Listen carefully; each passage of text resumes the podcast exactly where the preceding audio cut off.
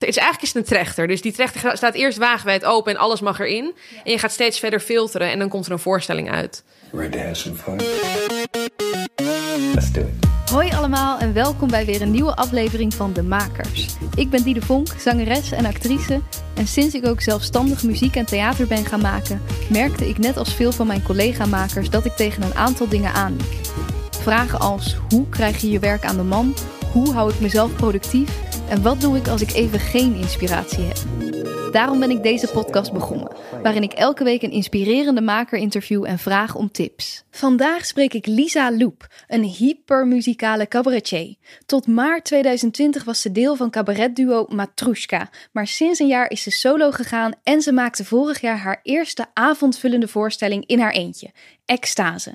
En met het nummer Mijn Odyssee uit deze voorstelling is ze genomineerd voor een Annie M. G. Smitprijs. Een hele belangrijke theaterprijs, die eind maart wordt uitgereikt. Mijn Odyssee gaat over hoe het voelt om een depressie te hebben. Of hoe dit bij Lisa voelde in ieder geval. Ze vertelt in dit gesprek over haar depressie en angststoornis en hoe ze hiermee om leert te gaan.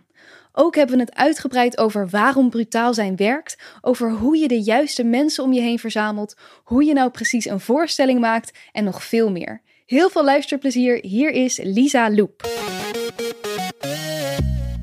Ik ben Lisa Loep en ik maak cabaret. Kijk, ja, dat is een heel kort antwoord. Ik heb al vele podcasts geluisterd en mensen gaan echt van... ik ben geboren in 1924. Nou, dat denk ik niet, maar... Ik heb dat echt aan- een keer gehad dat iemand zijn hele cv en toen Oh, ja. die en toen dat je ook ja, Ja. dan toch ook ergens denkt wacht even. Nou ja, ik denk wat, het mooie, wat ik het mooie vind van cabaret en waarom ik er ook voor gekozen heb, is dat er zoveel onder valt. Dus voor mij is echt de kick van het maken dat je eerst zelf het concept bedenkt van je voorstelling, eh, de mensen gaat benaderen met wie je samen wil werken. Ik weet nu, ik ben dus nu solo sinds een jaar. Ik was eerst een duo en nu vind ik het zo gaaf als ik dan mag optreden. Als er geen coronasluitingen bla bla bla zijn.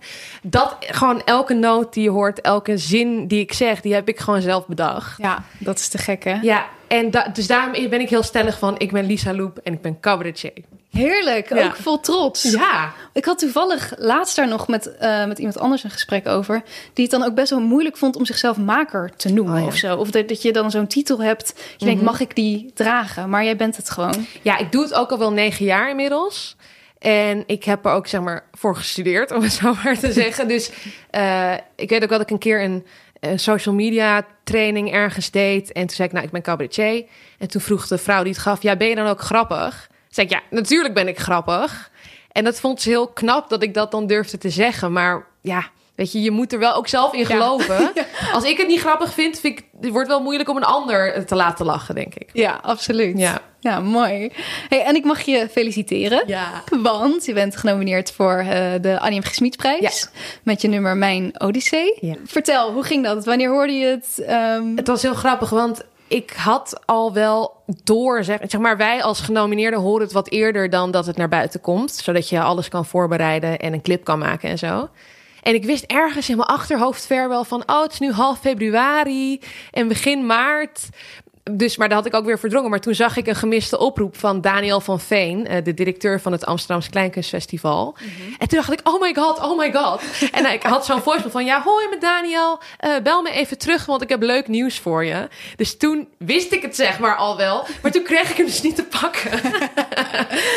en toen was ik echt zo door mijn kamer aan het ijsberen. Oh my god, oh my god, oh my god. En met welk liedje dan? En, maar goed, na een paar uur kreeg ik hem wel te pakken. En eh, leuk. Je wil er ook nog niet te veel van uitgaan dan misschien, toch? Nee. Straks zegt hij nou, eh, wil je een eh, cursus geven? Of- Nou, ja, dus, dus je hebt gelijk, maar ik had wel de goede hoop dat dit het was, inderdaad. Ja. En ehm, ik had meteen ook heel brutaal gevraagd wie dan de andere genomineerden waren. En eh, dat is echt een hele leuke club dit jaar. Dus het zijn allemaal jonge makers. Ja, het zijn echt jonge Ja, mensen allemaal. Veel vrouwen. hè? Yes. Ja, dus daar ben ik heel blij om. Ik vind dat er sowieso een vrouw moet winnen. Nice. Ook als ik het niet zou zijn, dan een andere vrouw. Dus de, de feminist in jou Ja. is dit. De boze feminist. Ja, ben je een boze feminist? Eh, ja, ik ben nu bezig, maar dat is ook weer een ander ding. Ik doe dus veel op social media in deze tijd, omdat ik als cabaretier niet altijd op kan treden door alle regels. Eh, dus ik ben een soort social media comedy ook aan het maken. Omdat ik, ja, ik heb wel een bereik en ik heb wel een publiek. Het is alleen niet traditioneel in een zaal. Ehm, en ik wil nu een serie Instagram video's maken met de titel Boze Feminist. Ah, Want ik vind. ehm, nou, kijk, als je zegt ik ben feminist, dan zijn er soms mensen die zeggen: "Eh, ben je dan zo'n boze feminist? En denk ik, ja, natuurlijk ben ik boos. Eh, ik vind dat iedereen nog veel bozer zou moeten zijn over de eh, verhoudingen tussen mannen en vrouwen in Nederland. Dus ik ga ja, zes filmpjes of zo maken met humor en informatie over het feminisme anno nu. Wat leuk. Maar goed, dus ik noem mezelf vol trots boze feminist. Ja, hebben we gelijk die titel even Ja. daaraan eh, gekoppeld. Ja. Nice, ik ben heel benieuwd naar de filmpjes. Maar laten we even Sorry, ja, teruggaan. die tour. Annie Schmidprijs. Je hoorde dat en, Ja. en, en dan? Wat moet je dan allemaal gaan doen? Ehm, dan krijg je meteen een hele mail met allerlei dingen die je moet aanleveren. Dus je moet de definitieve opname van het nummer. Want, Ja, want jouw nummers, die heb je in jou. Het gaat altijd om een, een nummer uit een theatervoorstelling. Maar die staan niet op Spotify of iets? Of Nee. zijn die wel opgenomen? ik heb ze wel al opgenomen, want ik wilde eigenlijk eh, bij de première ook een CD uitbrengen met alle liedjes uit de voorstelling. Of ja, ik weet niet of het een fysieke drager zou worden, of een USB-stick of een Spotify-ding. Maar eh, en mijn première zou 23 januari zijn geweest, maar dat is allemaal een beetje anders gelopen. Dus ik had alles al opgenomen en eh, dan stuur je die liedjes gewoon in. Maar sommige mensen hebben het niet opgenomen nog. Dus Nee. die doen een soort rauwe versie uit een repetitiehok of zo. Ja. En eh, een clip moet je dan maken. En allemaal persfoto's en dat soort dingen. Dus je moet dan ook een clip maken. Eh, krijg je daar nog een, een, een, geldpotje Nee, voor? nee. Dus het is wel een beetje naar eigen invulling. Sommigen hebben dan een opname uit de voorstelling gebruikt. Maar ik dacht van ja, dit is gewoon mijn moment. Ik Ja, ga nu echt go. een hele vette clip eh, maken. Is het de eerste keer dat je een clip hebt gemaakt? Ja. En eh, het past ook wel bij het soort cabaret wat ik maak. Want de muziek is wel echt popmuziek. Dus het is, ehm, ja, ik maak voorstellingen over de huidige tijd. En dan wil ik ook de muziek van deze tijd erin. Dus dat, ja, het is een heel sferisch nummer geworden met beats. Een soort deep house nummer is het. Dus ik vond het ook vet om daar dan echt een hele bijpassende videoclip bij te maken. Ja, het is heel tof geworden. Ziet er heel mooi uit. Ja. Ehm, het heet dus Mijn Odyssee. Eh, waar gaat het over, het nummer? Ehm, het is eigenlijk een dag uit mijn leven toen ik een depressie had.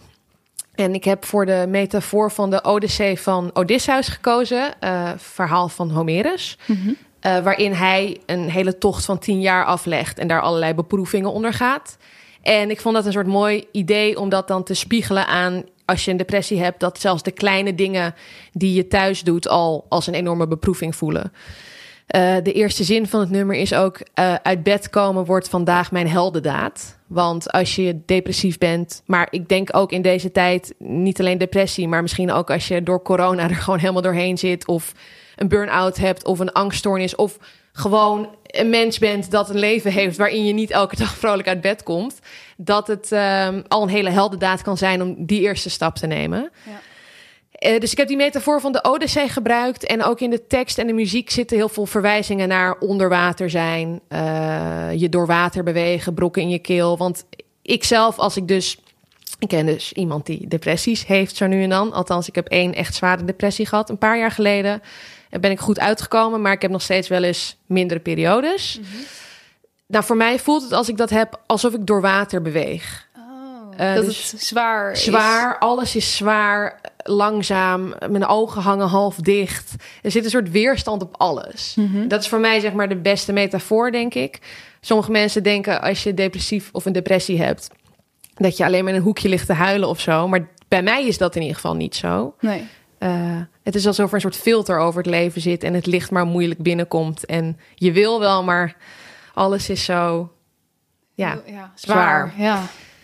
dus goed, nou ja, toen heb ik dus die metafoor daarvoor geprobeerd eh, uit te werken. En nou ja, dat is denk ik goed gelukt, want eh, ik heb die nominatie gekregen. Ja, het, het spreekt gelijk echt heel erg tot de verbeelding, het hele nummer. En inderdaad, ik denk ook dat veel mensen zich erin kunnen herkennen. Ook al hebben ze misschien dat niet zo heftig meegemaakt als jij. Dus dat is mooi dat dat er allemaal in terugkomt. Ik ben benieuwd wie er gaat winnen. Ik ben ook heel benieuwd. En het is wel grappig, want ik had toevallig vandaag nog een soort strategie-meeting. En Met, Toen- eh, met Chichi ja, in inderdaad, podcast vriend van de show. Eh, maar, eh, dus zij zei ook van, ja, dit lied is eigenlijk best wel anders dan je andere liedjes. Ah, ja. En dat klopt ook wel, want meestal heb ik echt opzwepende nummers en met een actueel thema. Bijvoorbeeld, ik heb een nummer heet Ridder van het Toetsenbord. En het gaat over alle dappere mensen die achter een toetsenbord iedereen kapot maken. dus het is in die zin een beetje ehm, een vreemdkörper in de voorstelling, als ik die Mooi. term erin mag gooien. Wauw, zo. Ehm, Wordt het niveau even weer omhoog ja, even geschroefd. gewoon weer die hersenen aanzetten vandaag. Maar eh, wel het meest persoonlijke nummer dat ik ooit heb gemaakt. Dus het is in de voorstelling echt het meest kwetsbare moment. En ik vind dan wel echt bijzonder dat juist die kwetsbaarheid dan Ja. nu... Dat juist die gekozen wordt. Ja. ja. Eh, en het is ook, normaal zing ik ook heel hoog en hard. En in dit lied zing ik zeg maar best wel laag en zachter en minder uitgezongen en zo. Eh, dus ja, het is een soort kwetsbaar ding dan. En dat is wel, eh, ja, vind ik heel bijzonder dat dat dan gekozen wordt. Ja, inderdaad. Extra kwetsbaar, extra spannend misschien Ja. ook wel zoiets. Het is mooi dat dat zo'n... Nou ja, dan dat, dat die nominatie krijgt. Ja. Ehm, laten we eventjes weer nog verder teruggaan. Ja. Eh, want ik ben heel erg benieuwd. Eh, jij wist al heel jong dat je cabaretière wilde worden. Ja, Of zeg je cabaretier? Ja, Ik zeg als zelf feminist. cabaretier. Cabare- Ja, oké. Ja. Cabaretier. nou, er zijn ook feministen die juist vinden dat je de vrouwelijke vorm van dingen moet gebruiken. Ah ja, oké. dus, Dus- elke feminist zijn eigen... Precies. Oké, dus cabaretier. ja, Ja, dat is niet heel vaak dat, dat jonge vrouwen van eh, vijf jaar dat al ja. weten. Nou, ik wist denk ik ook niet echt wat het inhield toen ik vijf jaar oud was. Ehm, ik wist wel dat het iets met op het podium staan te maken had en dat mensen je dan heel grappig vinden. Dus dat leek me gewoon top. Zeker. Maar ik ben wel echt opgegroeid met de cd's van Brigitte Kaandorp. eh, heel veel jeugdtheatervoorstellingen bezocht. Ik ging altijd met mijn ouders naar Frank Groothof. Maar ik weet niet of... Ik weet niet hoe oud jij bent. van maar Klokhuis? hij is van Sesamstraat. Mhm. En hij maakte dan altijd opera's voor kinderen. Oh, dat ken ik Dus- niet, maar dat klinkt Ja, geweldig. echt, want ja. Hij heeft ook de Odyssee, of de Odyssee moet ik zeggen. De Odyssee, hallo. Als iemand het uit moet kunnen spreken, ben ik het. De Odyssee gedaan. Eh, maar ook bijvoorbeeld Don Giovanni en Carmen. En daar had hij dan een kinderversie van gemaakt. Maar het was echt... Nou, het heeft wel denk ik een beetje de charme die ook de Ro-kindervoorstellingen hebben. Die, eh, Theater. ja. ja. Dus zeg maar dat het en leuk is voor kinderen, maar dat de volwassenen er weer een laag in zien die die kinderen niet snappen. Dus Top. wij gingen er elk jaar heen en mijn ouders vonden het dan ook echt hilarisch. En ik was alleen maar zo, wauw, wat is dit? Ehm, maar goed, dus ik ben wel echt opgegroeid met cabaretiers. En we gingen vaak naar de kleine komedie en naar die jeugdvoorstellingen. Dus het is wel met de paplepel ingegoten in die zin. Ja, dat helpt echt heel erg. Ja. Als je gewoon door je ouders bent meegenomen, dan is theater ook gewoon het mooiste wat er Ja. is. Dat is zo magisch. Ja, Dan word je gewoon in één keer in meegesleept. En ik begreep ook eh, van jouw site dat je een soort van je eigen tiger mom werd. dat je een tiger mom is eh, ja, gewoon de, de, ja, de, de moeder die, die wil dat het kind op dansles en balletles en eh, zangles en alles gaat. ja. Je werd dat voor jezelf. En ik noem dat omdat ik dat zelf ook heel erg Oh, was. Ja, grappig. ik vind het heel herkenbaar. Dat, ja, dat je gewoon zelf als kind bepaalt... Ik moet, ik moet op toneelles, ik moet op zangles... ik moet dit allemaal, want ik moet zo goed mogelijk worden.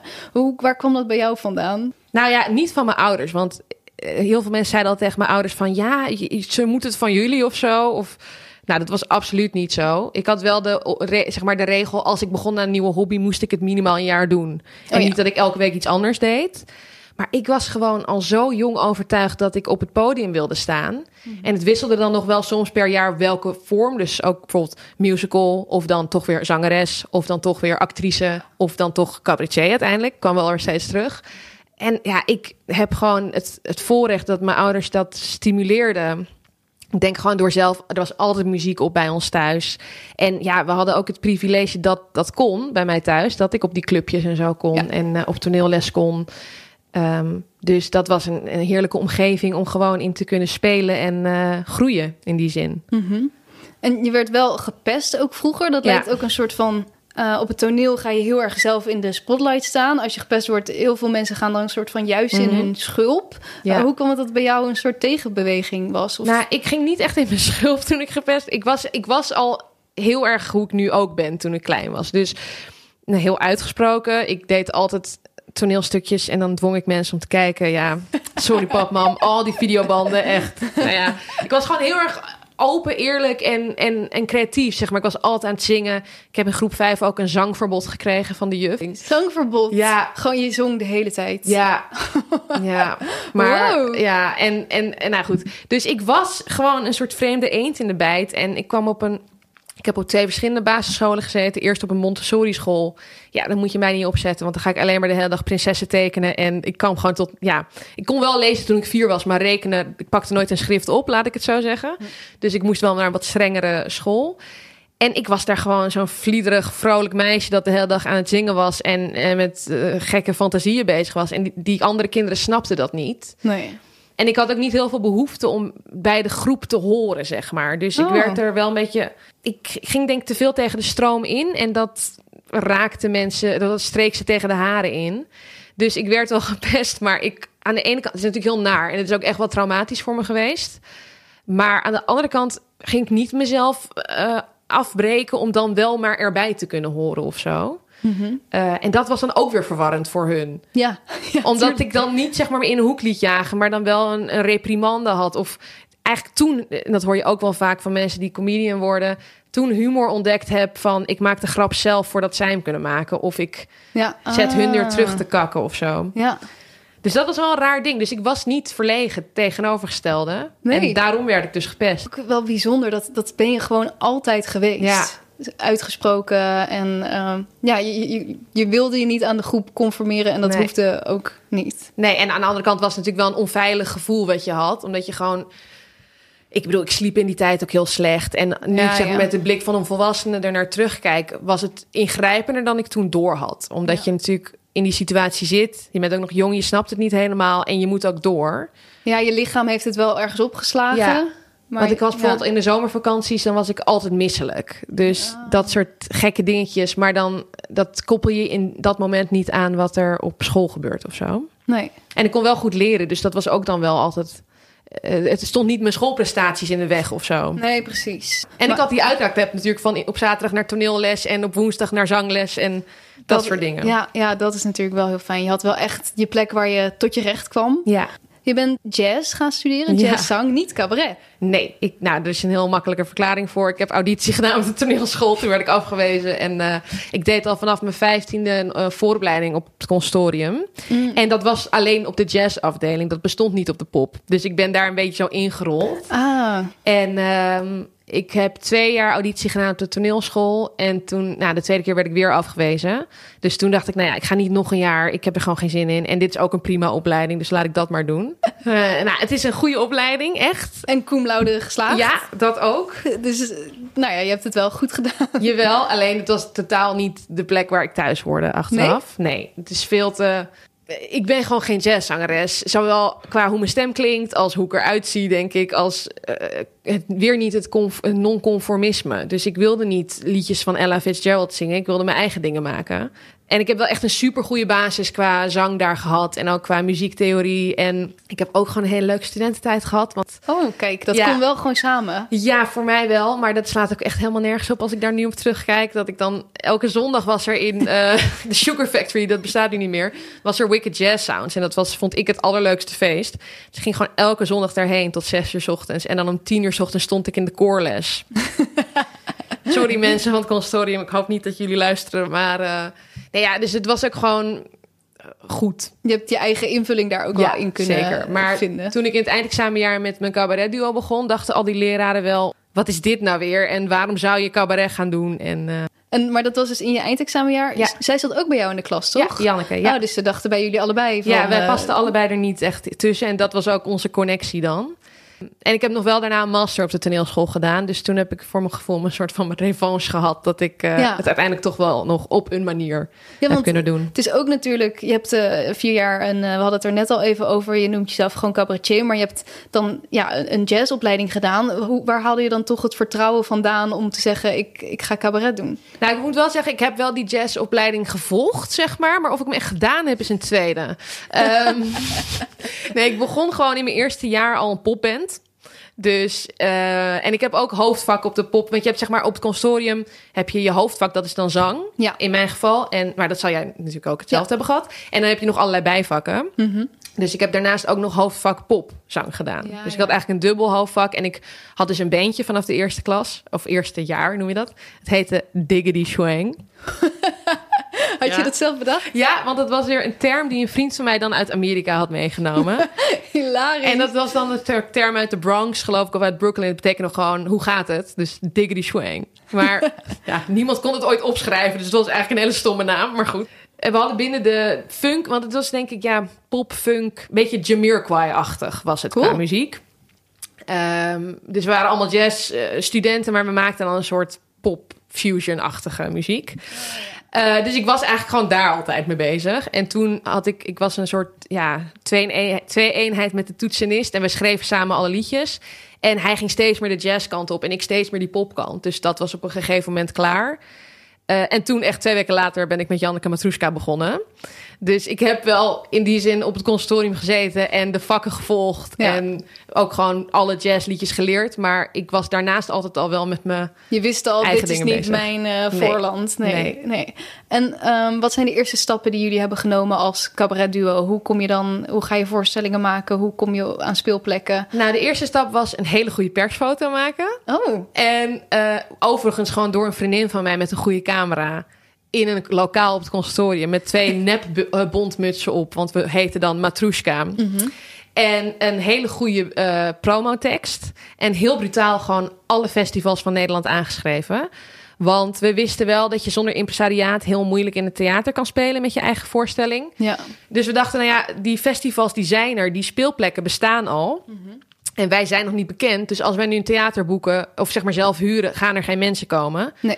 Dus we zijn gewoon begonnen met die festivals. En het allereerste Oh. was Stukafest in Utrecht, Ja? Studentenkamerfestival. En in dat eerste jaar hebben we er meteen vier gedaan, vier steden. En toen was toevallig het Parool in Amsterdam. En die had heel positief over ons geschreven. Dus dan konden we dat weer gebruiken om andere festivals aan te schrijven. En eh, ook wel wat huistheater, eh, huiskamertheater dingetjes gedaan. En dat hebben we een jaar, dus dat was 2012. Oh my god, ik ben zo oud. Eh 2012. en toen in 2013 hebben we meegedaan aan het Fringe Festival Eh, in ja. Amsterdam. Mhm. Dus dat is een theaterfestival waar je dan je eigen voorstelling voor kan maken. Mhm. En toen hebben we een voorstelling van een uur gemaakt. Van een uur. Die zijn meestal ook veel korter, toch? Bij maar Fringe. Wij hebben dan een uur gedaan, of 50 minuten geloof ik. En, ehm, en dat materiaal hebben we als basis gebruikt voor het Amsterdamse Kleinkunstfestival. En daar wonnen we toen de publieksprijs. En toen konden we echt een avondvullende voorstelling gaan maken. Dus we hebben een soort. Het was niet vanaf het eerste moment bij die eerste persfoto helemaal zo uitgestippeld of zo. Nee. Maar het was wel een goede route, denk ik. Het klinkt wel als een hele logische route die heel veel mensen denk ik nu nemen. Of Ja. die ook slim is om te nemen. En bij, zeker bij zo'n Amsterdams Kleinkunstfestival, dat is echt zo'n plek waar het allemaal samenkomt. En waar die impresariaten zitten. En eh, ja, als je het dan goed doet, dan, dan kan je daar wel eh, een hoop uithalen. Ja. Jullie waren nog best wel kort bezig. Ja. jullie vonden wel wat je wilde maken. En Ja. dat, dat, dat vond wel zijn weg al gelijk. Nou, denk ik wel. In het begin was het ook wel een beetje het wiel uitvinden voor ons. Omdat we dus die zangopleiding hadden gedaan. Ja, precies. En eh, ja, het was ook een beetje per ongeluk cabaret geworden. We wilden eigenlijk een paradevoorstelling maken. We hebben uiteindelijk nooit op de parade gestaan. Dat is wel de grap. Wel in alle theaters van Nederland zo'n beetje, maar niet eh, op de parade. Maar het werd automatisch gewoon grappig. Eh, en toen zijn we... Ja, dingen overkwamen ons ook een beetje in die zin. Wel altijd met hard werken en een soort visie. Maar dat het nou per se op het fringe moest spelen of zo... Dat, dat was meer iets van dat we dachten... Oh, we gaan ons daarvoor aanmelden. En dan werden we aangenomen. Klinkt nu misschien een beetje te veel alsof het ons allemaal overkwam. Dat bedoel ik niet zo, maar... Nee, je hebt je wel aangemeld en je bent heel actief bezig Ja. geweest met materiaal maken. Maar vooral. niet zozeer van, oh, als we nu dit stapje doen, dan volgt dat erop. Maar dingen vielen gewoon samen steeds. Dat is wel, eh, wel mooi gegaan, ja, denk Ja. ik. Ja. Een eh Amsterdams Kleinkunstfestival. Toen eh, dus een impresariaat. Ja, Bostheater. ja. En ehm, wat doen zij voor je dan? Ehm, ik moet zeggen Bos Theaterproducties, want je hebt ook Pardon. nog het... Nee, maakt niet uit. Maar als je... Want er is ook nog het Amsterdamse Bostheater. Dat is waar. Jullie staan niet alleen in het bos. Nee, en ik zat dus op de toneelschool nog toen op die master dat ik aangenomen was bij Bos. En toen zeiden heel veel mensen: Ja, maar speel je dan in het Amsterdamse Bos deze zomer? ik zei: Nee, dat is. Want die hebben dan weer een makerstraject waar veel mensen van de toneelschool aan meedoen. Dus. Ah, eh, oh, dat is goed. Goed niet zegt. verbeterend bedoeld, maar meer voordat mensen denken: Hè, een impresariaat in een bos? Ik snap het niet. Ah, ja. Maar- Nee, je hebt helemaal gelijk. Ja, nou ja, in ieder geval, goed. Bos Theaterproducties. Nou, zij... ehm, eigenlijk is het zo dat je in Nederland heel moeilijk een tour kan boeken in theaters als je geen impresariaat hebt. Ja. Want zij zijn toch een soort keurmerk voor kwaliteit. Ehm, als jij onbekend bent, maar ze weten, oh, die zit bij Bos, of die zit bij Senf, of die zit bij Van Engelenburg. Of er zijn een aantal goede grote impresariaten. Ook een aantal kleinere die heel goed zijn natuurlijk, maar gewoon een aantal bekende. Dan hebben ze al wat meer vertrouwen in jou als nieuwe maker, omdat ze die, die uh, ja, dat keurmerk. Ja, dat keurmerk. Dus dat is wel heel fijn. Um, nou ja, ze boeken je tournee. Ze doen je PR en in, ja, het verschilt een beetje per impresariaat. Bos die factureert ook voor mij bijvoorbeeld. Dus ik hoef niet met het theater te bellen. Oh, hoeveel kaartjes waren er en hoeveel krijg je ah, daar dan van? Dat regelen zij allemaal. Mhm. En ze doen ook de onderhandelingen dan met het theater. Ja, precies. Ja. Oh, wel heel erg fijn. Ja, super fijn. Dat zo uh, gelijk toch, uh, nou, dat, dat jullie niet daar heel veel zorgen om hoefden te maken. Nee. Um, en hoeveel jaar hebben jullie samen gespeeld toen daarna? Tot... Ja, acht jaar zijn we een duo geweest. En dus vanaf 2015 bij Bos. En in 2020, januari of uh, maart 2020 zijn we gestopt als duo. Ja, precies een jaar geleden. Ja. Ook nog maar kort eigenlijk. En wel weer heel veel gebeurd al in de tussentijd. Um, ja, waarom hebben jullie besloten te stoppen? Nou, we waren dus 21 en 22 toen we begonnen. Hm. We kwamen van school af en mensen vragen wel eens: wat was dan je eerste baan? Ik had zo: ja, dit, dit was mijn eerste baan. Ik ben gewoon meteen vanaf school met Matrushka begonnen. Ja. En je groeit zo ontzettend naar elkaar toe in die acht jaar. Um, dat we gewoon allebei veel meer de behoefte hadden op een gegeven moment om ons eigen verhaal te gaan ontdekken. En je hebt een bepaalde verdeling met elkaar. En je wil ook kijken, goh, kan ik ook die dingen die zij doet, kan ik die ook zelf? Of wat komt eruit als ik het zelf doe? Dus het is eigenlijk best wel natuurlijk gegaan dat we gewoon voelden van, we hebben twee avondvullende gemaakt. Het is, het is gewoon goed zo. Ja. Dus toen hebben we besloten om uh, te stoppen vorig jaar. Ja, lieve luisteraars, even een kleine mededeling tussendoor dat je deze podcast kunt steunen. Als je naar www.petje.af slash de Makerspodcast gaat, zie je dat je makers maatje, makers best friend of best friend forever kunt worden. Als maatje ontvang je extra inspiratievideo's van mijn gasten. In deze video's vertellen ze over hun grote inspiratiebronnen, het beste advies dat ze ooit kregen en het allerslechtste advies. Als best friend kun je input leveren voor gasten die jij graag wilt horen en kan je jouw vragen via voice memo insturen zodat deze in de podcast te horen zijn en jij je vraag dus aan de aankomende gasten kunt stellen. En als best friend forever mag je me ook nog eens bestoken met vragen over het opzetten van je eigen podcast. En binnenkort gaan er nog veel meer extra's komen. Daarnaast help je ons om deze podcast te kunnen blijven maken. Dus daar zou ik je sowieso ontzettend dankbaar voor zijn. Nu gauw weer terug naar het gesprek als je bij zo'n impresariaat zit, heb je natuurlijk ook. Nou, het is heel fijn, want zij doen de boekingen. Maar het is ook altijd een aantal jaar al gepland. Ja. Dus je hebt uh, een tour en gelijk daarna weer een tour. Nou, bij jou kwam er dus een moment dat dat, dat niet meer ging. Mm -hmm. Dat je dus die depressie kreeg. Ja. Hoe is dat gegaan? Dat is ook wel waardoor ik heel lang door ben blijven lopen met mijn depressie. Niet om te zeggen het was hun schuld, absoluut niet of de schuld van het is gewoon hoe het werkt natuurlijk. Maar je weet, oh my god, er staan 80 boekingen gepland. Mm -hmm. Ik voel me niet goed. Ik weet niet wat er met me aan de hand is. Oh, een première in uitverkochte kleine komedie. Ja, dat zeg je niet af. Je gaat niet nee. een tour afzeggen. Je gaat niet je omgeving teleurstellen. Dus het is echt onmogelijk in ja, je hoofd ook. Ja. ja. En nou ja, toen ben ik enorm tegen de lamp gelopen natuurlijk. Want ja, op een gegeven moment viel ik gewoon de hele tijd flauw. Dus dan, ja. Wauw, ja, echt, ik, uh, ja, fysiek. nee, ik had echt dus vooral fysiek. Dat was ook waarom ik niet door had dat ik een depressie had heb ik nog niet genoemd trouwens. Maar dat was bij mij het geval. Ik had dus al vanaf januari in het jaar dat ik moest stoppen... had ik vage fysieke klachten, steken in mijn borst. Ik zag vlekken, uh, zwarte vlekken voor mijn ogen, hyperventilatie. Ik, op een gegeven moment viel ik dus een paar keer flauw ook. Ik was altijd misselijk. Ja, als je nu het hoort, denk je... waarom snap je niet wat er met je aan de hand is? Ik uh, had zoveel koppijn dat ik elke dag acht paracetamol slikte. Gewoon om maar überhaupt dingen te kunnen doen. En ik was wel een paar keer naar de huisarts gegaan met... ja, ik heb zoveel koppijn. En zeiden, ja, dan moet je een hoofdpijndagboek bijhouden... en dan kijken wanneer het wel niet komt. Of ik heb zo uh, zwarte vlekken voor mijn ogen. Ja, oh, oké. Okay. Zeg maar, dus niemand had ook echt precies door wat er dan met me aan de hand was. Nee, dus niemand had die signalen. Nee, en bijvoorbeeld, mijn, ik ben getrouwd en mijn man die zag wel van, ja, het gaat niet goed. En mijn ouders zagen ook wel, het gaat niet goed. Maar het was ook allemaal spannend. Het was ook heel druk ja, er zijn altijd wel honderd redenen te verzinnen wat het zou kunnen zijn of zo. En ja, je wil ook niet van het slechtste uitgaan, nee. misschien als partner of als. Uh, nee. Ja. En ik zelf was alleen maar best met ik moet door, ik moet door, ik moet door. En toen in september dus van het jaar, dus in januari begonnen eigenlijk al de eerste tekenen. Dus ik ben tot september daar allemaal mee door blijven gaan en door blijven lopen. Toen uh, was ik gewoon nog op een dag was ik naar de kapper geweest. En ik had nog een afspraak gehad met Janneke over de begroting. En die was niet sluitend. En ik kom terug van de kapper. En ik kijk naar mijn to-do-list. En met alles wat er nog op staat. En het is zes weken voor de première. En ik kijk naar die to-do-list. Het enige wat ik kan doen is huilen. En gewoon alleen maar huilen, huilen, huilen. Niet ophouden met huilen. Ja, en toen heb ik mijn moeder gebeld. En die is meteen naar me toegekomen. En toen hebben we samen de huisarts gebeld. En toen ben ik daar naartoe gegaan. Toen wilde ik in eerste instantie beta-blokkers vragen. Omdat ik dacht van ja, ik kan dus niet door nu. En toen zei zij, nou, dat gaan we maar even niet doen. Oh, heel goed. Jij Ja. gaat niet door, jij moet nu stoppen. Want ik had ook een heel hoge bloeddruk. En Ja, en super veel klachten. Dus ja, echt bizar. echt al- allemaal fysiek. Ja, allemaal fysiek. Maar dat zei mijn psychiater later. Je, als je dus zo lang doorloopt met mentale klachten, gaat je lichaam op een gegeven moment zeggen van dit is niet goed. En dan gaat je lichaam zichzelf eigenlijk uit zelfbescherming soort van uitschakelen. Ja, precies. Ehm, dus nou ja, super top. Kan het iedereen aanraden? Nee, alsjeblieft, lieve mensen. Maar ik heb dus nu ook een soort missie om dus dingen erover te maken en Ja. eh, het er heel open over te hebben, omdat ik hoop dat iemand, als ik, als ik dat toen had gehad, zeg maar, Had je het dan eerder gesignaleerd of eerder erbij stilgestaan? Nou, dat het zo fysiek was bij mij, dat maakt het wel verwarrend. Eh, omdat je dus toch, ook ik had dat clichébeeld van... als je depressief bent, lig je huilend in een hoekje. Ja. En ik had niet het idee dat ik heel erg depressief was... omdat ik ook wel eens kon lachen nog of zo. Of ik kon Ja. nog wel functioneren. Dus het heeft zoveel verschillende uitingsvormen. En ehm, ja, het wordt gewoon ook niet altijd gezien door artsen in die zin.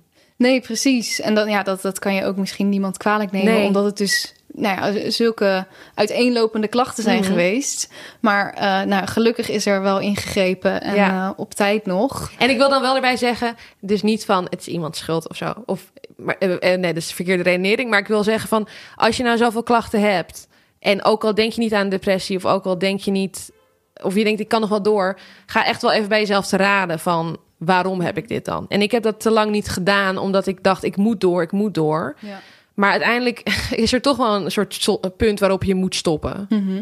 En misschien als ik eerder had ingegrepen, was het niet zo ver gekomen dat ik negen maanden thuis moest zitten. Ja. Dus waarbij ik ook niet zeg dat het mijn schuld is. Het is niemands schuld. Niemand doet het bewust. En je wilt het allemaal niet. Maar je zal er toch mee moeten dealen op, op de een of andere manier. En daar zal je nu altijd ook wel mee moeten dealen. Ja. Dat je, je weet nu, oké, als ik te ver ga, dan, dan zegt mijn lichaam ook stop, wat Ja. heel goed is. Dus heb je nu eh, in een proces, of als je het weer druk hebt, bijvoorbeeld nu met zo'n nominatie, is misschien ook weer even stressvol. Heb je dan bepaalde ja, manieren dat je gewoon weet, ik ga eerder ingrijpen, ik hou genoeg rust? Hoe, hoe doe je dat? Ik wou dat ik echt super verlicht was en zo van... nou, ik maak alleen nog maar boswandelingen en ik drink kamillethee. I wish. Nee, helemaal niet. Maar eh, ik kan het gevoel wel eerder herkennen van... dit gaat niet de goede kant op. Eh, en ik, als ik slim bezig ben, grijp ik op tijd in. En soms doe ik dat niet. Niet dat ik dan weer zo onderuit ga, maar dan laat ik het wel weer verder komen dan misschien strikt noodzakelijk was voor mezelf. Want mijn persoonlijkheid is niet super erg veranderd.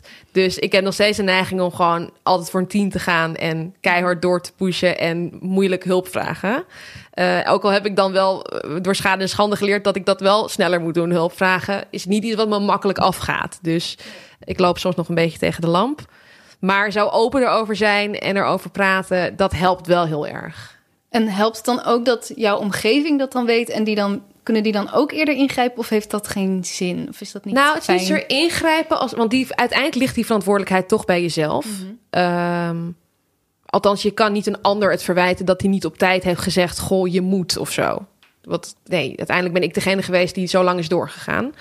Maar ik vind wel de vrijheid dat ik weet dat ik het met vrienden erover kan hebben. Dat ik niet altijd het zonnetje in huis hoef te zijn. Dat ik ook gewoon mag zeggen: "Eh, Ik heb echt een klote dag en ik zit er even doorheen. Dat is enorm bevrijdend geweest voor mij. Ja. En toen daarna zijn jullie wel weer die voorstelling Ja. gaan spelen. En eh, was dat raar om dan weer opeens op het podium te staan? Ehm, nou ja, het eerste optreden was ook meteen in het Vondelpark Openluchttheater voor duizend man of zo. Dus ehm, ja, ik heb wel voor mezelf toen een knop omgezet van ik ga dit nu gewoon weer doen en gewoon weer kunnen. Maar het heeft zeker wel een wissel getrokken op die samenwerking. Want je bent toch een jaar uit elkaar om een vervelende reden. Ja. Ja, en zij moesten natuurlijk ook een jaar Ja. eh, stoppen. Dus de, de- heeft dat ertoe geleid dat jullie toch dachten misschien dan alleen verder? Of? Ehm, nou, voor mij in ieder geval niet. Ik weet wel dat zeg maar dat gevoel van afhankelijkheid, dat hadden Ja. we nooit echt gehad. En dat was ineens evident dat je heel erg afhankelijk van elkaar bent. Eh, maar ja, we hebben gewoon nog een jaar lang met heel veel, of anderhalf jaar lang nog met heel veel plezier doorgespeeld. En eh, daar was op dat moment helemaal geen sprake van dat het zou stoppen. Maar ja, toen er nog een sprake was van gaan we dan een derde maken, is, is dat toch niet gebeurd. Nee. Dus ik denk niet dat het één op één daartoe geleid heeft. Maar wel, je gaat natuurlijk ook als je zoiets meemaakt, bedenken: wat wil ik nou echt in mijn leven? En ik heb wel ook, ik wilde, ja, ik vind het dit het allergaafste wat bestaat.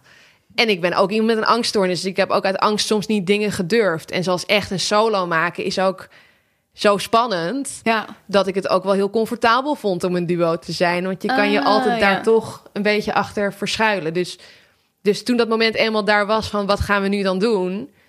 Ik denk dat ik als ik niet die depressie had gehad, dat ik minder makkelijk had kunnen denken, ik moet daar nu dan echt voor gaan of zo. Dat het. oh, dat je, omdat je al zo diep bent gegaan, Ja. dat je het dan...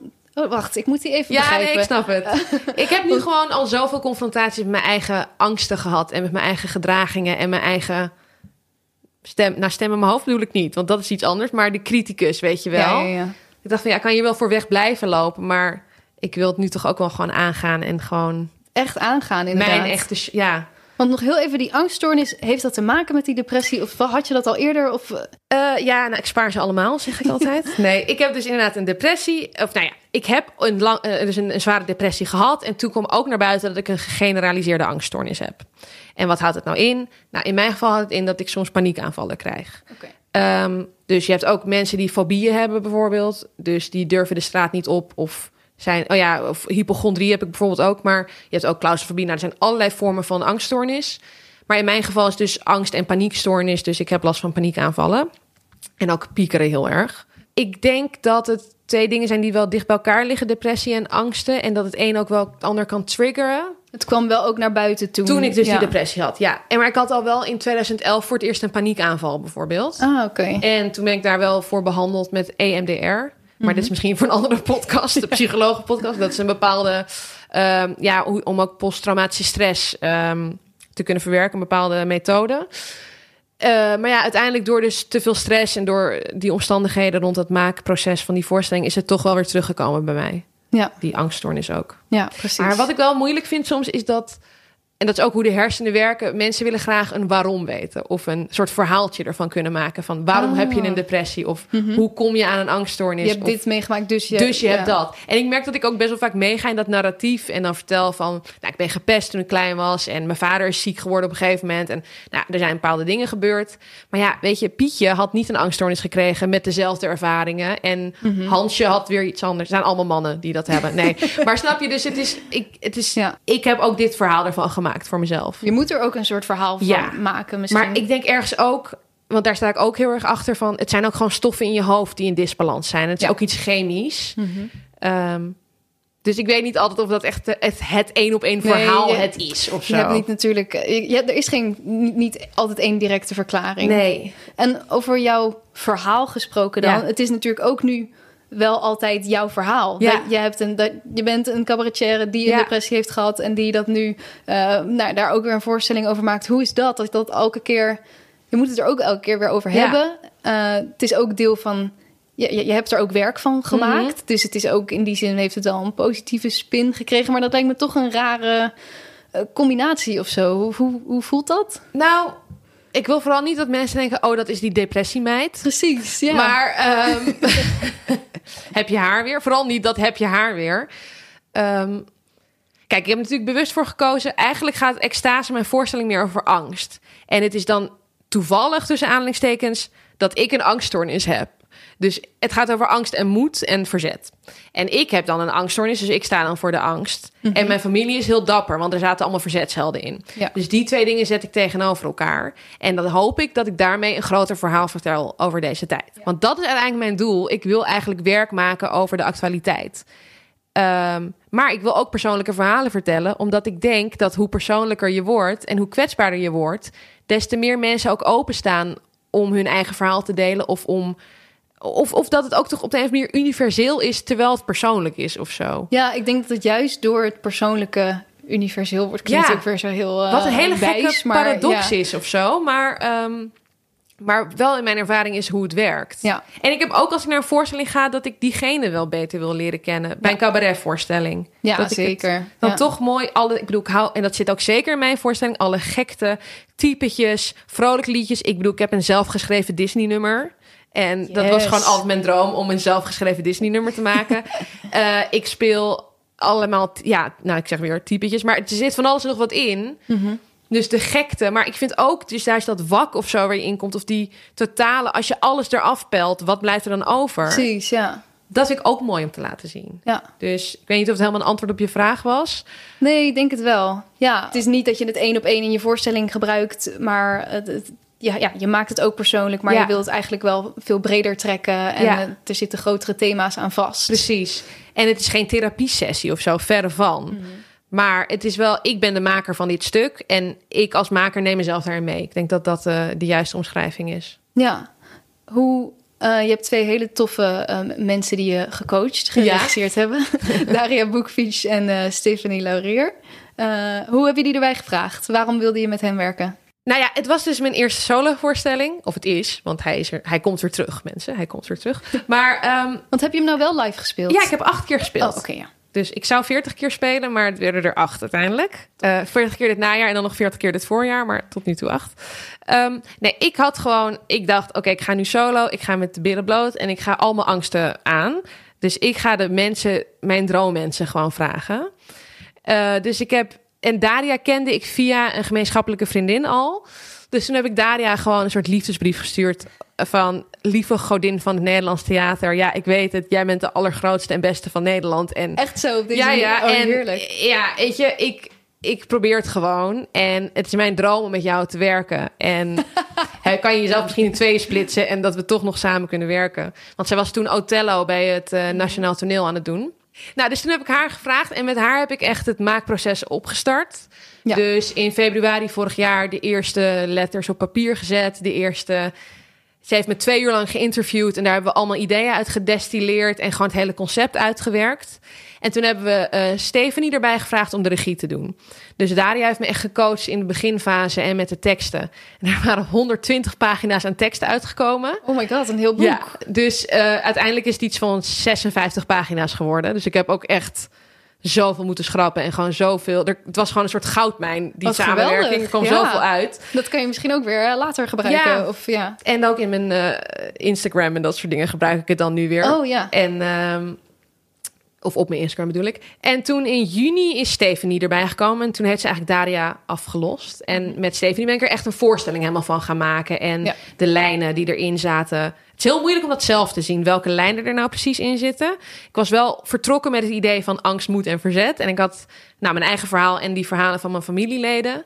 Maar dan schrijf je daar nog dus 100 pagina's bij. En dan moet het ook weer één verhaal worden of zo. Ja, ja, precies. En dat heeft Stephanie echt helemaal gedaan. En gewoon de spelregie. En ja, gewoon echt gek. fantastisch. Ja. Echt fantastisch. Ik heb hier wel een, eh, een, een leuke vraag bij, denk Oh. ik. Ehm, en voor de luisteraars, eh, ik heb dus een petje af pagina, zoals de meeste mensen weten. Eh, vanuit daar kan je de podcast steunen.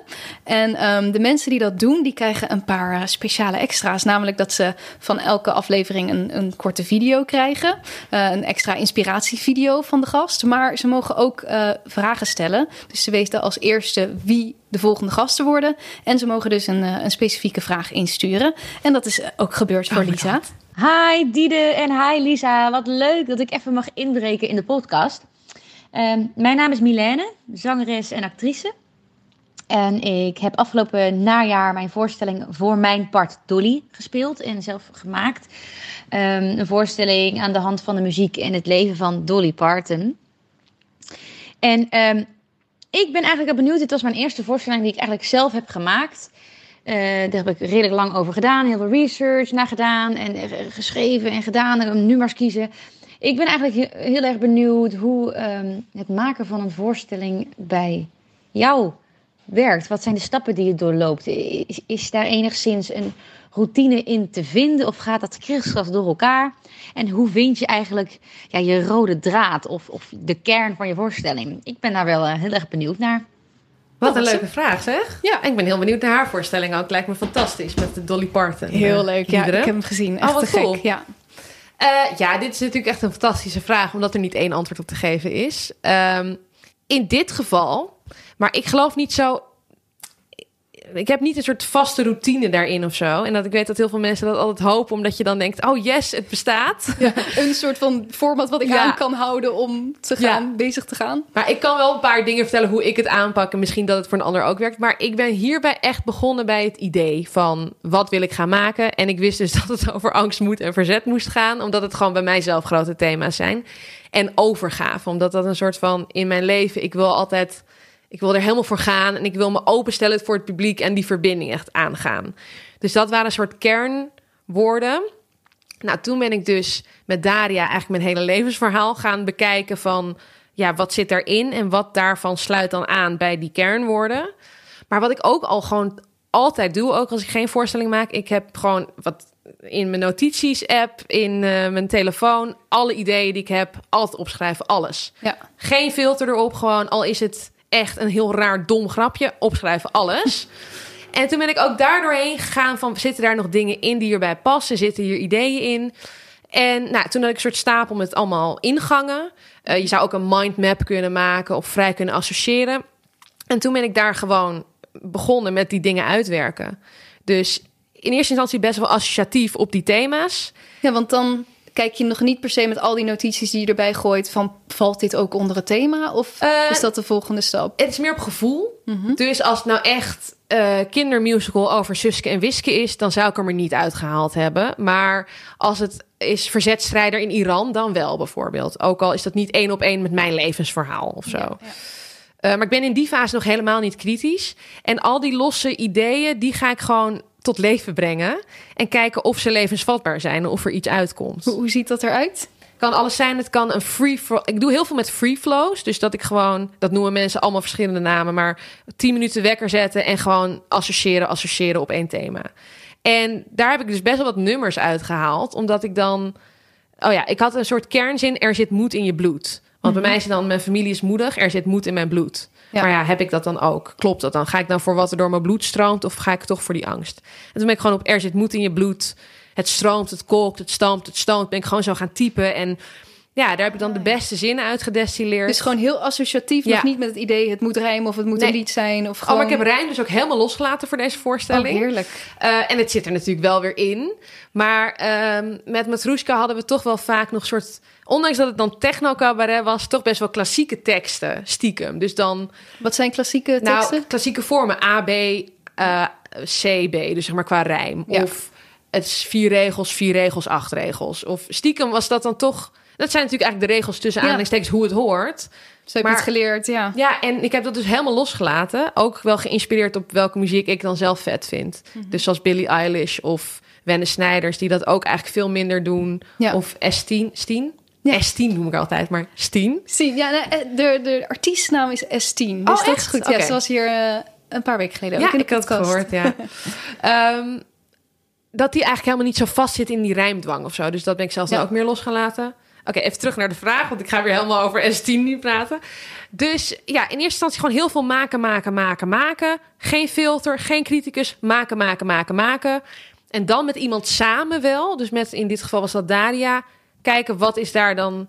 Wat is hier goed aan en wat mag weg? Maar dat zijn dus best wel, zo klinkt het, nog een soort van... eh, van alle, zeg maar, kwetsbare ideeën die, die nog niet per se iets zijn. Maar Nee. die kon je wel al gewoon bij haar... Ja. Je, je durfde het wel al te delen met haar. Ja.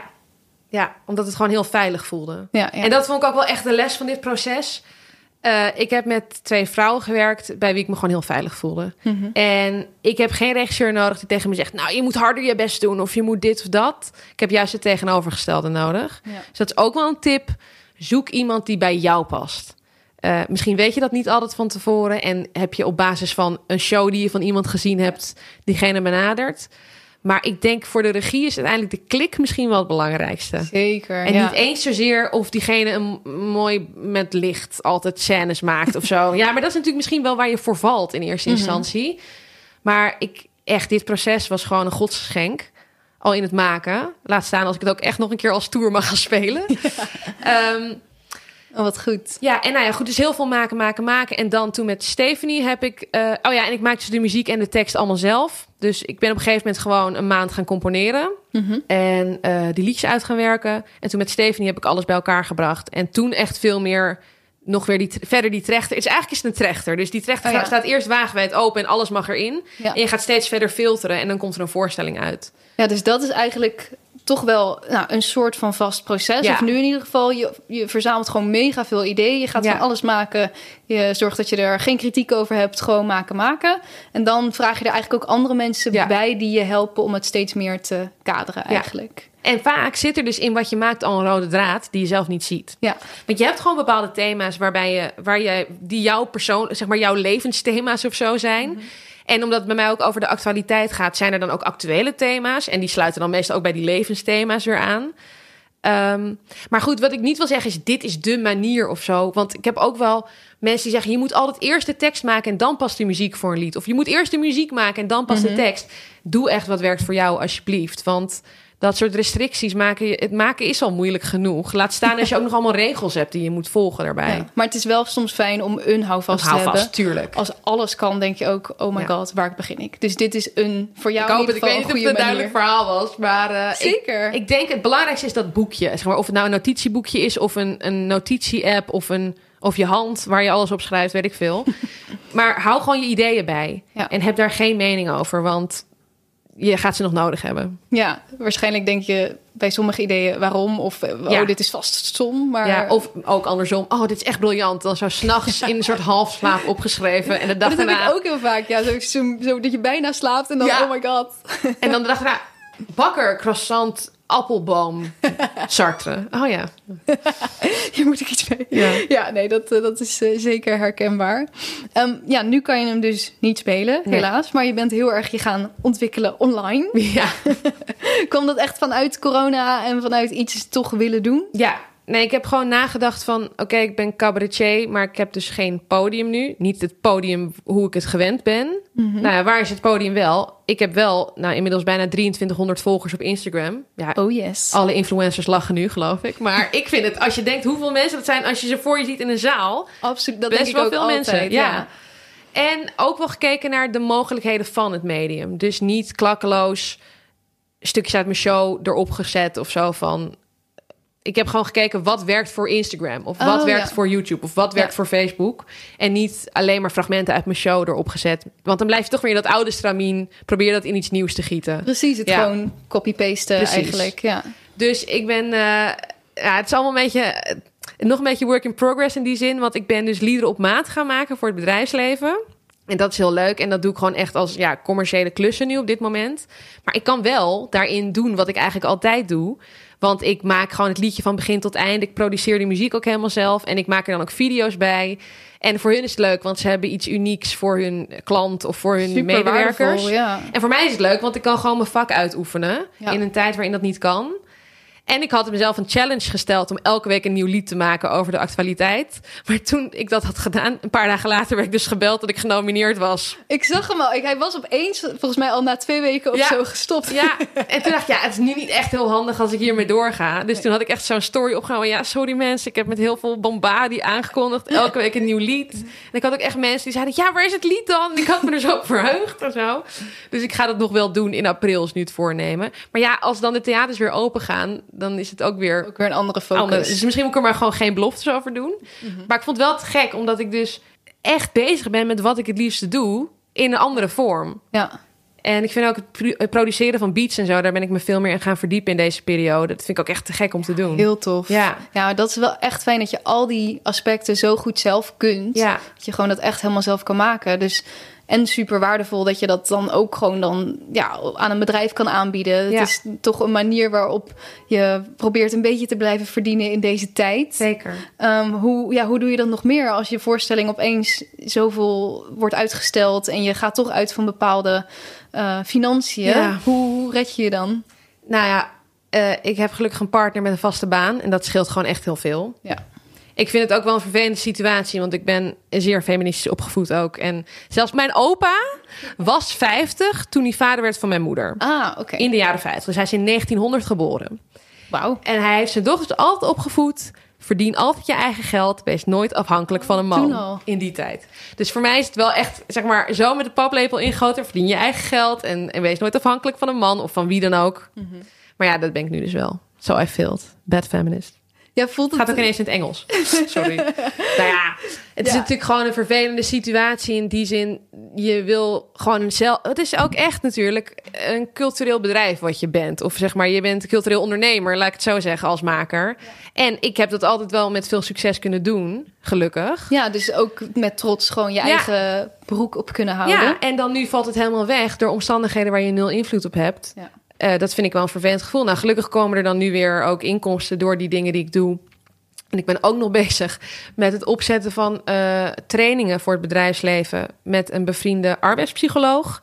Waarin we dus trainingen rond mentale gezondheid gaan geven.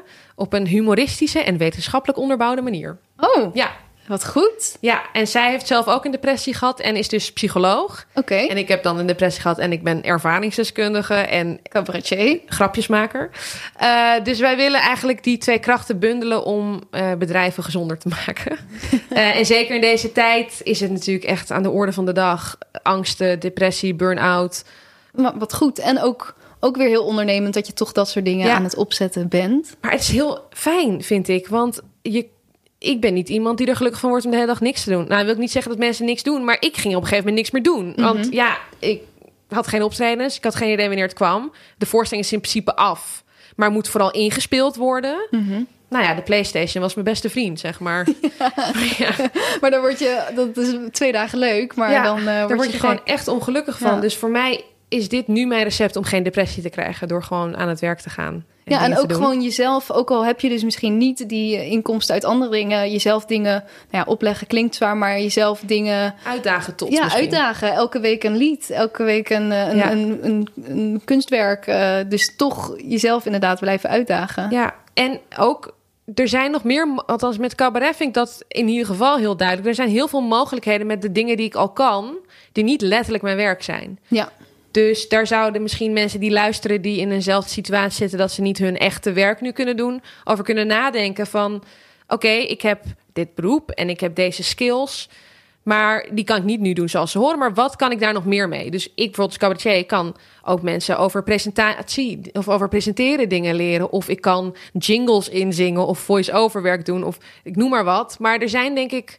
We leven nu echt in een tijd waarin mensen meerdere dingen zijn, volgens Ja, mij. en je niet meer op je twintigste bij een bedrijf gaat werken tot je met, met pensioen gaat. Dus ik denk dat iedereen heel veel talenten heeft. En dat dit wel een tijd is waarin je eens kan ontdekken of onderzoeken wat je er nog meer mee kan. Ja, dus, dus ga ook misschien op zoek naar, oké, wat, wat kan ik nog meer? En eh, we, ja, heb ook vertrouwen in dat je dus als maker, als creatieveling, dat ook op andere manieren in kan zetten. Ja. En dat is niet een falen in je werk of zo dan, maar dat is ook misschien juist wel leuk dat deze tijd, eh, het heeft je waarschijnlijk ook een hoop gegeven dat je nu op video dingen probeert en op social media. Het, Ja. het, het brengt je ook weer iets. Ja. Alleen, is, nogmaals, dat wil ik dan wel graag benadrukken. Ik heb het privilege ook dat ik dat kan doen, doordat mijn man een vast inkomen heeft. Nou, nu gaat het toch heel erg over hem en dat hij een man is met vast inkomen. Maar ik bedoel meer, natuurlijk, als jij gewoon daar helemaal geen ruimte nu voor hebt, omdat je bang bent dat je je huis kwijtraakt, dan ga ik niet tegen jou zeggen: ga maar even leuk kijken of je schilderijen op een st- straathoek kan maken. Oké, dat is een heel slecht voorbeeld. Maar meer van, weet je, als je die ruimte hebt en je merkt van ik zoek iets nieuws, ga ervoor, want dit is echt de tijd om het te doen. Ja, zeker. Disclaimer. Disclaimer. Heel goed. We moeten alweer een beetje gaan afronden. Ik heb echt zo'n... Ja, ik, ik, had, ik had je gewoon nog zoveel eh, willen vragen, maar het is weer voorbij gevlogen. Ja, altijd zoveel te vertellen. Maar... Ehm, zijn er nog lessen die jij geleerd hebt in je makerschap... eh, die je heel graag zou willen meegeven aan andere makers? Ja, maar twee. En ik weet niet, misschien zijn ze al genoemd. De eerste is, als je iets kijkt of luistert of, of naar een voorstelling gaat... bedenk altijd wat je ervan zou willen stelen. Zeg maar niet letterlijk, deze zin is mooi, ik wil hem stelen. Maar stel je ziet een toneelstuk en dat vind je echt heel erg mooi. Ga dan even iets langer nadenken van... wat is het dan precies wat me zo raakt? En hoe kan ik dat zelf ook gebruiken? Oh, dat vind ik echt een hele goede tip. Die heb ik nog nooit eerder Oh, gehoord. echt? Nee. Oh nee, ik vind het zelf ook een hele leuke manier van kijken. Want zeker als ik dan naar... Voor mij zijn het voorstellingen over het algemeen. Dus of een cabaretvoorstelling is of een opera... of in ieder geval dingen op het podium. Dat dat natuurlijk ook is wat ik zelf doe. Dan kan ik zo verliefd zijn en een soort van in die magie opgaan. Maar dan is het ook wel fijn om heel even nog terug te schakelen... en te denken, ja, maar wat is nou zo magisch? Of, Ja, wat is dat precies? ja, En hoe kan jij dat Ja. op jouw manier ook weer gebruiken? Ja. Oh, nice. En de tweede? Het tweede is, misschien is die ook al gegeven of nog niet, verzamel echt de juiste mensen om je heen naar wie je luistert. Naarmate je steeds verder komt, komen er veel meer meningen en iedereen vindt er wel iets van. Maar zeg, eh, deze drie mensen, daar ga ik op af en hun vertrouw ik. En de rest, dankjewel voor je feedback, maar ik laat het even bij jou. Ben je in, de, in het verleden vaak ook op verkeerde feedback? Nou, ik ken niet echt dat ik dingen erop ben gaan aanpassen, maar ik nam het wel allemaal heel erg persoonlijk op. En het is nou eenmaal zo, als je op een podium gaat staan, dat mensen daar iets van gaan vinden. En ook vaak dat ze het aan jou gaan vertellen. En ehm, het kan heel nuttig zijn, maar het is gewoon, het is ook ja, gewoon spannend en heel, heel erg van jou. En mensen vinden daar dan ineens dingen van. Dus ja, als je dan die drie mensen in je omgeving hebt die je helemaal vertrouwt, die je de waarheid zeggen, maar die het ook gewoon zeggen als het echt heel goed is, dan is dat gewoon genoeg. Ja, luister naar die mensen. Ja. Top. Hey, eh, had ik nog iets moeten vragen? Eh, hebben we nog iets gemist? Ehm, Ehm, nou ja, wanneer extase weer te zien is, maar dat weet ik ook niet helemaal. ja. Maar eh, de voorstelling gaat, als het goed is, op 30 april in première in de Kleine Comedie in Amsterdam. Anders kijk op mijn website en meld je aan voor mijn nieuwsbrief. Dan hou ik je helemaal op de hoogte wanneer we weer kunnen. En komt er ook, als je niet live kan spelen, iets van een registratie of een livestream of iets? Of, Eh, ik wil eigenlijk het liefst gewoon de voorstelling wel live spelen. Het heeft ook echt een beetje, het is een beetje een mengeling van een popconcert met een cabaretvoorstelling. Want ik ga ook met twee live muzikanten. Eh, je moet het gewoon voelen, je moet die bas voelen pompen, je moet gewoon erbij zijn. Mijn zweet moet op je vallen. Nee hoor. Dus ik ga hem niet registreren, maar eh, hij gaat sowieso gespeeld worden. Ik ga nog volgend jaar namelijk ermee door. Dus eh, ja, ja. Leuk. Ja. Dankjewel. Dankjewel. Dat was hem weer. Heel veel dank Lisa en jij bedankt voor het luisteren. Dit zijn mijn takeaways van dit gesprek. 1. Wees trots op wat je doet en vertel het met overgave. Als jij er al niet in gelooft, zullen anderen dat ook niet doen. 2. Wees brutaal. Lisa studeerde dan wel jazz, maar creëerde eigenlijk een beetje haar eigen opleiding met de vakken die zij wilde. Heel vaak denken we dat zoiets toch niet kan, of ja, dit is nu eenmaal hoe het gaat. Maar als jij iets anders wilt, probeer het gewoon. Het is jouw leven. Net als met het aanschrijven van bepaalde festivals of wat dan ook. Nee heb je, ja kun je krijgen. 3. Zoek de juiste mensen om je heen. Bij het maken van haar eerste solovoorstelling pakte Lisa het gelijk goed aan en vroeg ze haar twee grote voorbeelden uit de theaterwereld. Spannend, natuurlijk, maar waarom zou je voor minder gaan? 4. Zeker in deze tijd is het voor creatieven echt niet makkelijk. Als jij al lang thuis zit zonder werk, probeer dan eens iets verder te kijken. Wat kun je nog meer? Waar komen jouw talenten nog meer tot hun recht? Realiseer je hoeveel waarde jij kunt bieden met jouw creatieve geest. Op zoveel plekken. En waarschijnlijk voel je je ook beter als je wel iets doet. 5. Bij alles wat je ziet, voorstellingen, maar misschien ook muziek, beeldende kunst, wat dan ook, kijk wat je kunt stelen. Natuurlijk moet je niet letterlijk iets gaan kopiëren, maar als je dit in je hoofd hebt terwijl je naar iets kijkt, zet je gelijk je makerschap aan. Hoe zou jij dit hebben aangepakt? Waarin herken je iets? Wat zou je nog verder willen onderzoeken? Een superleuke, gelijk toepasbare tip. Dat waren ze. Ik ben benieuwd wat jullie van dit gesprek vonden. Ga zeker even mijn Odyssee beluisteren van Lisa en natuurlijk de andere nummers die genomineerd zijn voor de Annie M. G. Smitprijs.